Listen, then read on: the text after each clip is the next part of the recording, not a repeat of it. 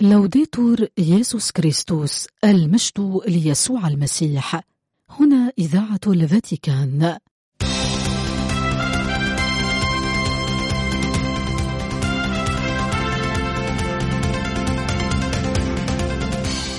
مستمعينا الأحباء تحية طيبة من القسم العربي في إذاعة الفاتيكان. ننقل إليكم برنامجنا العربي اليومي حول نشاطات البابا والكرسي الرسولي وأخبار الكنيسة حول العالم. يمكنكم الاستماع إلى برامجنا والاطلاع على آخر الأنباء عبر الإنترنت على الموقع vaticannews.va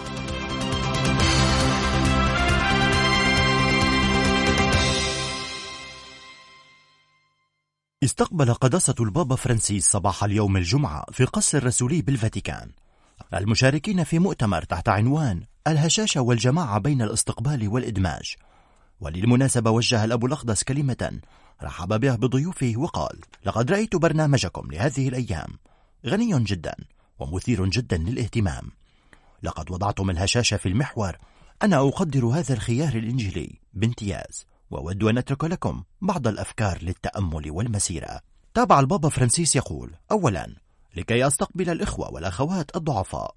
يجب أن أشعر بضعفي بأن المسيح يقبلني كما أنا. هو يسبقنا على الدوام. لقد جعل نفسه ضعيفا وصولا إلى الآلام.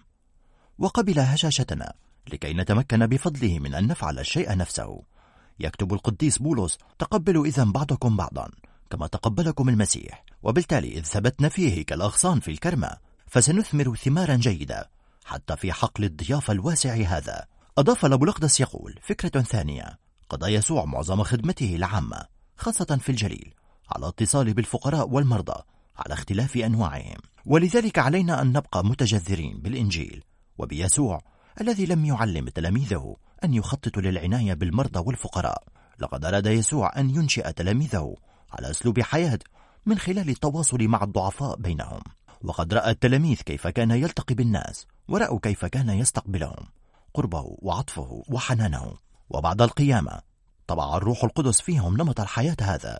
وهكذا فإن الروح القدس قد كون على الدوام رجالا ونساء أصبحوا قديسين من خلال محبة الأشخاص الضعفاء.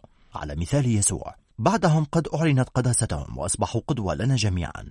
ولكن كم من الرجال والنساء قد تقدسوا باستقبال الصغار والفقراء والضعفاء والمهمشين.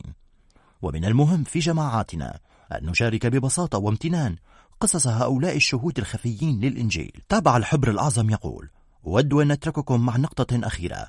إن الفقراء والضعفاء في الإنجيل ليسوا أشياء بل هم رواد مع يسوع في إعلان ملكوت الله. لنفكر في بارتيماوس أعمى أريحة. تلك القصة هي رمزية. أدعوكم لكي تعيدوا قراءتها غالبا لأنها غنية جدا. من خلال دراسة هذا النص والتأمل فيه نرى أن يسوع يجد في ذلك الرجل الإيمان الذي كان يبحث عنه. يسوع وحده عرفه وسط الجمع والضجيج وأصغى إلى صرخته المملوءة بالإيمان. وذلك الرجل الذي من خلال إيمانه بالرب استعاد بصره انطلق وتبع يسوع وأصبح شاهدا له. لدرجة أن قصته دخلت في الأناجيل. إن بارتيماوس الضعيف الذي خلصه يسوع الضعيف يشارك في فرح كونه شاهدا لقيامته. لقد ذكرت لكم هذه القصة ولكن سيكون هناك العديد من القصص الأخرى مع أنواع مختلفة من الضعف وليس الضعف الجسدي فقط. لنفكر في المجدلية التي كانت تعذبها سبعة شياطين والتي أصبحت الشاهدة الأولى ليسوع القائم من بين الأموات. باختصار يمكن للأشخاص الضعفاء الذين نلتقي بهم ونقبلهم. بنعمة المسيح وأسلوبه أن يكونوا حضورا للإنجيل في الجماعة المؤمنة وفي المجتمع. وختم البابا فرانسيس كلمته بالقول أيها الإخوة والأخوات الأعزاء أشكركم على التزامكم. سيروا قدما ولترافقكم العذراء مريم على الدوام. أبارككم جميعا من كل قلبي وأسألكم من فضلكم أن تصلوا من أجلي.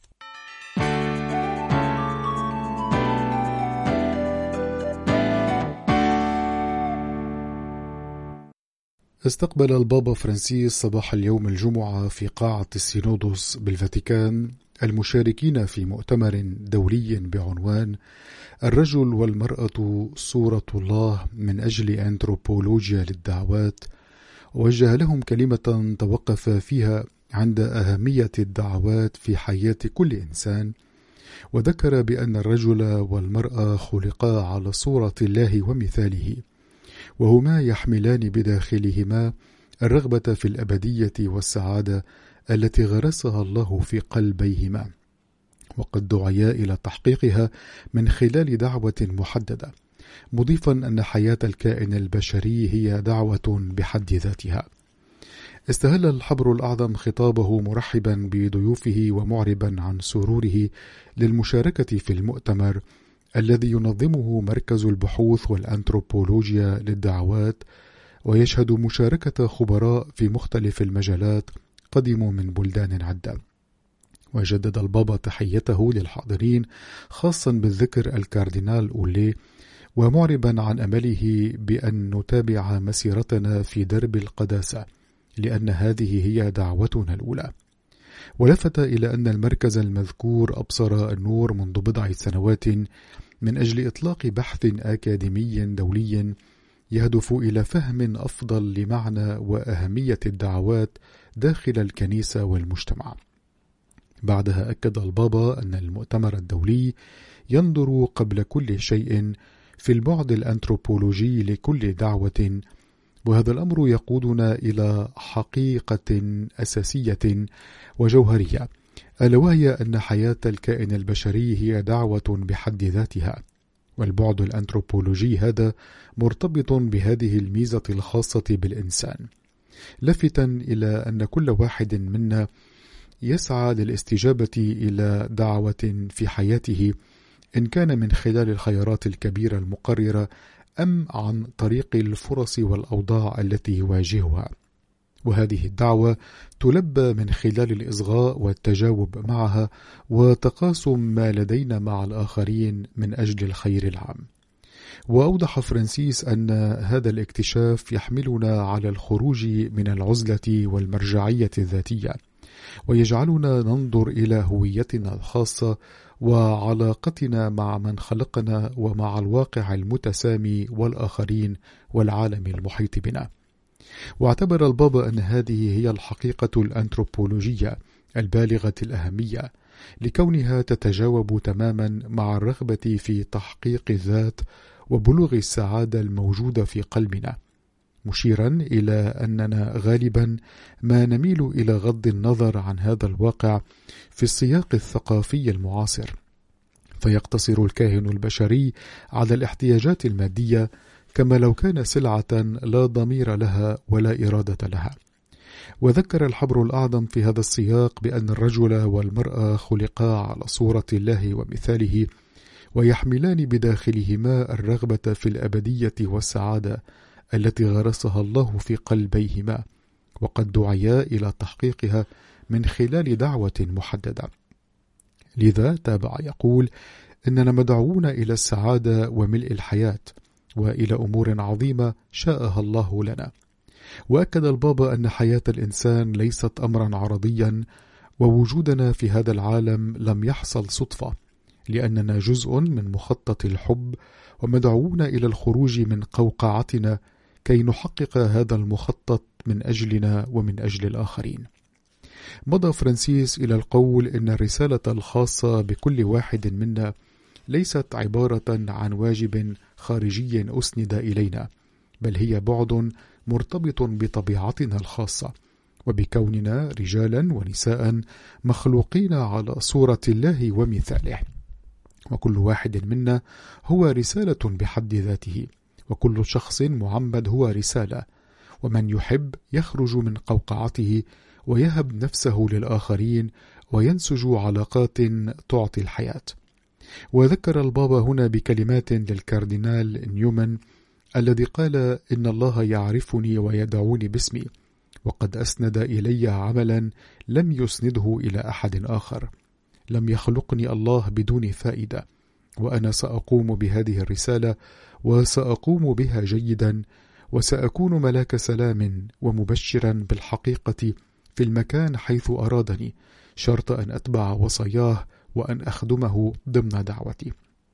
تابع البابا كلمته لافتا إلى أهمية البحوث والدراسات ولقاءات الحوار التي يعقدها ضيوفه لأنها تساهم في نشر الوعي حيال الدعوة التي يوجهها الله إلى كل كائن بشري. كما أنها مهمة لكونها تحملنا على طرح تساؤلات بشأن التحديات الراهنة والأزمة الأنثروبولوجية وضرورة تعزيز الدعوات الإنسانية والمسيحية. ورأى البابا أنه من الأهمية بمكان أن يحصل تفاعل بين مختلف الدعوات كي تساهم الأعمال النابعة من نشاط العلمانيين الذين يخدمون الكنيسة والمجتمع فضلا عن خدمة الكهنة والأشخاص المكرسين أن تساهم في تقديم الأمل والرجاء لعالم تخيم عليه ظلال خبرات الموت. في ختام كلمته أكد البابا أن خلق هذا الرجاء ووضع أنفسنا في خدمة ملكوت الله من أجل بناء عالم منفتح وأخوي هو واجب ألقي على عاتق رجال ونساء زماننا هذا. وشكر فرانسيس ضيوفه على إسهامهم في هذا المجال مضيفا أنه يوكل أعمال المؤتمر إلى الرب بواسطة الصلاة وبشفاعة العذراء مريم التي هي أيقونة الدعوات وأم كل دعوة. وأكد الحبر الأعظم أن الروح القدس يطلب منا شيئا هاما ألا وهو الأمانة التي هي مسيرة لا تخلو من المجازفة. مشددا على ضرورة السير قدما بشجاعة التمييز وبحثا عن مشيئة الله وطلب من ضيوفه أن يصلوا من أجله.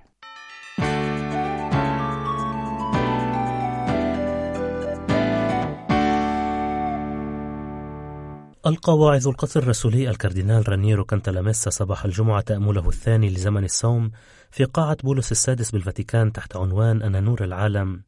واستهل الكاردينال كانتالاميسا تأمله بالقول في تأملات الصوم هذه اقترحنا أن نتأمل حول كلمات أنا هو العظيمة التي قالها يسوع في إنجيل يوحنا.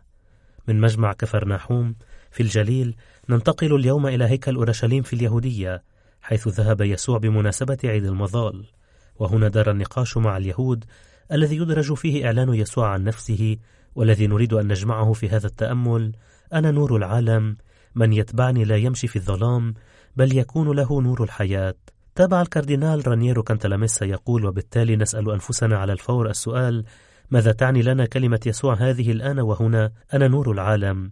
إن عبارة نور العالم لها معنيان أساسيان. المعنى الأول هو أن يسوع هو نور العالم لأنه تجلي الله الأسمى والنهائي للبشرية. والمعنى الثاني هو أن يسوع هو نور العالم من حيث أنه ينير العالم. أي أنه يكشف العالم لنفسه ويجعل كل شيء يرى في نوره الصحيح كما هو أمام الله. لنتأمل حول هذين المعنيين بدءا من الأول أي من يسوع باعتباره الإعلان الأسمى لحقيقة الله. ومن هذا المنطلق كان للنور الذي هو المسيح على الدوام منافس شرس العقل البشري. ونحن لا نتحدث عن هذا بقصد جدلي أو دفاعي أي لكي نعرف ماذا نرد على معارضي الإيمان. وإنما لكي نثبت في الإيمان. إن المناقشات حول الإيمان والعقل وبشكل أكثر دقة حول العقل والوحي تتأثر بعدم تناسق جذري فالمؤمن يشارك الملحد في العقل أما الملحد فلا يشارك الإيمان في الوحي مع المؤمن. المؤمن يتكلم لغة محاوره الملحد أما الملحد فلا يتكلم لغة نظيره المؤمن. ولهذا السبب فإن أعدل جدال حول الإيمان والعقل هو الذي يدور داخل نفس الشخص بين إيمانه وعقله. تابع الكاردينال رانييرو كانتلاميسا يقول إن النقاش حول الإيمان والعقل قبل أن يصبح جدلا بيننا وبينهم بين المؤمنين وغير المؤمنين يجب أن يكون جدلا بين المؤمنين أنفسهم. في الواقع إن أسوأ أنواع العقلانية ليس العقلانية الخارجية بل العقلانية الداخلية للاهوت. ويكتب القديس بولس إلى أهل كورنثوس لم يعتمد كلامي وتبشيري على أسلوب الإقناع بالحكمة بل على أدلة الروح والقوة كي لا يستند إيمانكم إلى حكمة الناس بل إلى قدرة الله. وكذلك أجل إننا نحيا حياة بشرية ولكننا لا نجاهد جهادا بشريا. فليس سلاح جهادنا بشريا ولكنه قادر في عين الله على هدم الحصون. ونهدم الاستدلالات وكل كبرياء تحول دون معرفة الله. ونأسر كل ذهن لنهديه إلى طاعة المسيح. أضاف واعظ القصر الرسولي يقول إن ما كان الرسول يخشاه كثيرا ما حدث بيننا. لقد ابتعد اللاهوت وخاصة في الغرب بشكل متزايد عن قوة الروح ليعتمد على الحكمة البشرية وكانت العقلانية الحديثة تتطلب أن تقدم المسيحية رسالتها بطريقة جدلية أي من خلال إخضاعها في جميع جوانبها للبحث والمناقشة. بحيث يمكن أن تتناسب مع الجهد العام المقبول فلسفيا لفهم مشترك ومؤقت دائما لمصير الإنسان والكون. ولكن بهذه الطريقة يتم إخضاع إعلان موت المسيح وقيامته لحالة مختلفة تعتبر أسمى.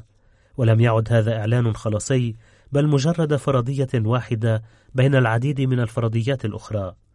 تابع الكاردينال رانييرو كانتالاميسا يقول إن الخطر الكامن في هذا النهج في اللاهوت هو أن الله يصبح شيئا نتحدث عنه وليس شخصا نتحدث معه أو بحضوره إنه رد الفعل العنيف لجعل اللاهوت علما إن الواجب الأول على من يمارسون العلم هو أن يكونوا محايدين إزاء موضوع بحثهم ولكن هل يمكن للمرء أن يكون محايدا إزاء ما يتعلق بالله؟ لقد كان هذا السبب الرئيسي الذي دفعني في مرحلة ما من حياتي إلى ترك التدريس الأكاديمي للاهوت والتفرغ للوعظ. في الواقع إن نتيجة هذه الطريقة في ممارسة اللاهوت هي أنه يصبح أكثر فأكثر حوارا مع النخبة الأكاديمية وأقل غذاء لإيمان شعب الله. ولا يمكننا أن نخرج من هذا الوضع إلا من خلال الصلاة والتحدث مع الله حتى قبل التحدث عن الله إذا كنت لاهوتيا فسوف تصلي حقا وإذا صليت حقا فستكون لاهوتيا قال أحد أباء الصحراء القدماء والقديس أغسطينوس قد جعل من لاهوته لاهوتا أكثر ديمومة ويمكننا أن نضيف أكثر يقينا من خلال التحدث إلى الله في اعترافاته.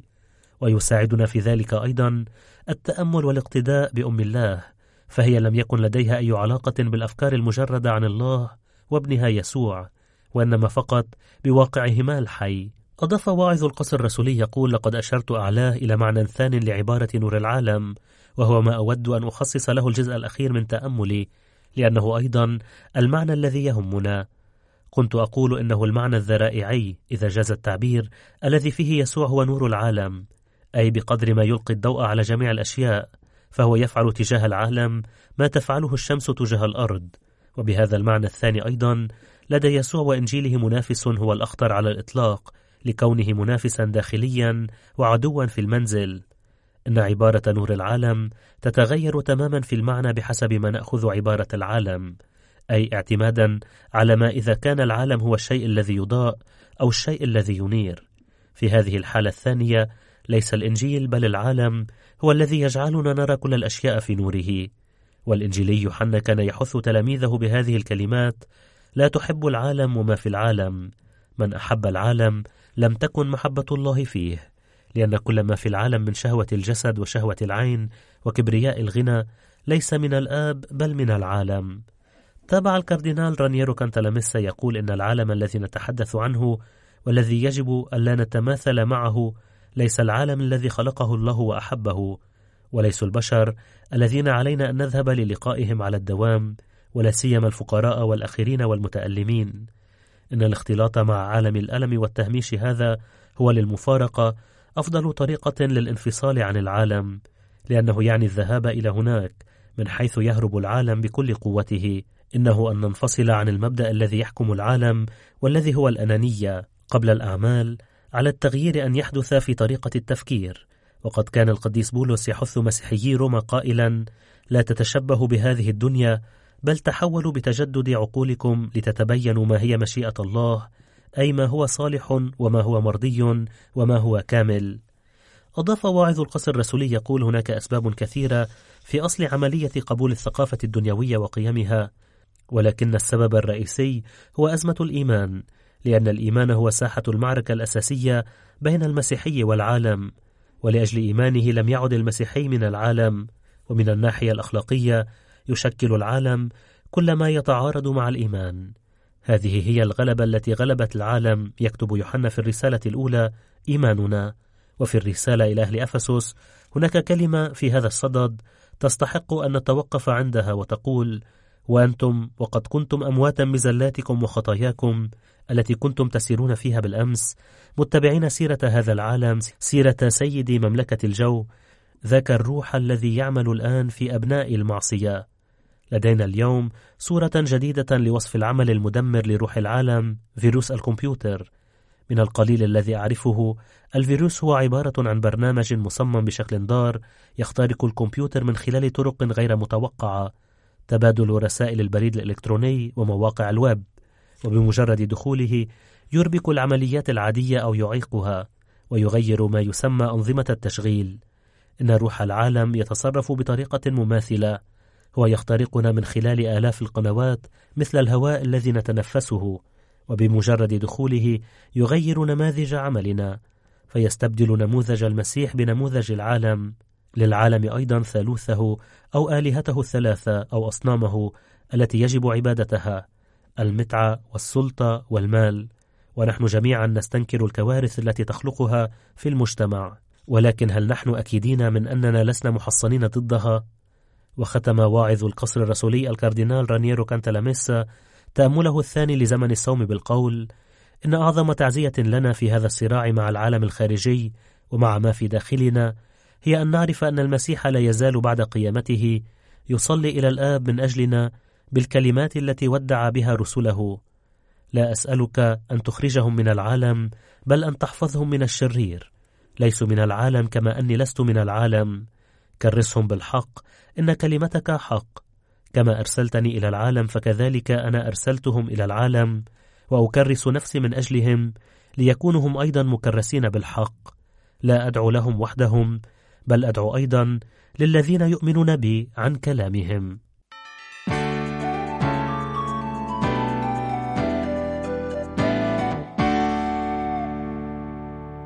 صدر يوم الخميس التاسع والعشرين من شباط فبراير برنامج الاحتفالات الليتورجية التي سيترأسها قداسة البابا فرانسيس خلال شهر آذار مارس 2024 يوم الأحد الرابع والعشرين من آذار مارس أحد الشعانين يترأس قداسة البابا فرانسيس القداس الإلهي في ساحة القديس بطرس عند الساعة العاشرة صباحا. الخميس الثامن والعشرين من أذار مارس. يترأس البابا فرانسيس قداس الميرون عند الساعة التاسعة والنصف صباحا في بازيليك القديس بطرس وعند الساعة الخامسة عصرا من يوم الجمعة العظيمة التاسع والعشرين من أذار مارس يترأس قداسة البابا فرانسيس رتبة سجدة الصليب في بازيليك القديس بطرس وعند الساعة التاسعة والربع مساء يترأس البابا فرانسيس رتبة درب الصليب في الكولوسيوم. ويوم السبت الثلاثين من أذار مارس يترأس قداسة البابا فرانسيس عند الساعة السابعة والنصف مساء. قداس العشية الفصحية في بازيليك القديس بطرس. وعند الساعة العاشرة من صباح الأحد الحادي والثلاثين من أذار مارس يترأس قداسة البابا فرانسيس قداس عيد الفصح في ساحة القديس بطرس. وعند الساعة الثانية عشرة ظهرا يطل قداسة البابا فرانسيس من على شرفة البازيليكا الفاتيكانية ليوجه رسالته إلى مدينة روما والعالم بمناسبة عيد الفصح.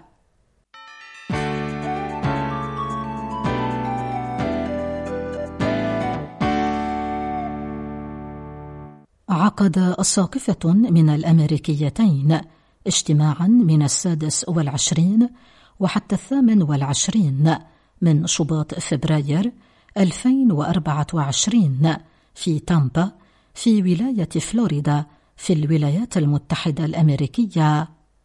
وهو تقليد لمجالس أساقفة القارة بأسرها يعود إلى العام 1959 وكما أوردت وكالة سير الإيطالية الكاثوليكية للأنباء وجه الأساقفة الذين شاركوا في الاجتماع ويمثلون مجالس أساقفة أمريكا اللاتينية والكاريب مجلس أساقفة الولايات المتحدة الأمريكية ومجلس أساقفة كندا وجهوا رسالة إلى قداسة البابا فرانسيس لإطلاعه على مضمون لقائهم وأشار الأساقفة في رسالتهم إلى أنهم تطرقوا إلى مواضيع عديدة خلال اجتماعهم ومن بينها الهجرة خدمة معلم التعليم المسيحي والتهديدات البيئية لبيتنا المشترك وأشاروا أيضا إلى أهمية كنيسة سينودوسية في رسالة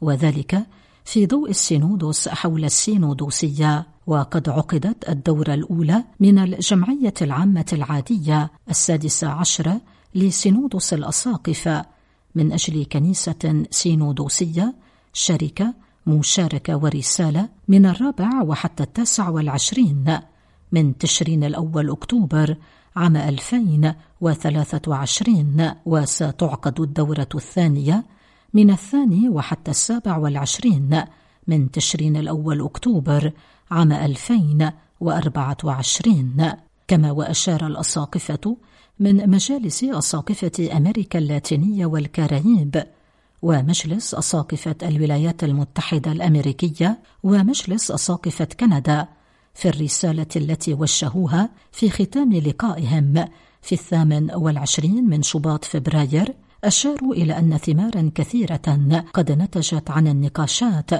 وتحدثوا عن التفكير في مبادرات عديدة مشتركة خصوصا حول البيئة والهجرة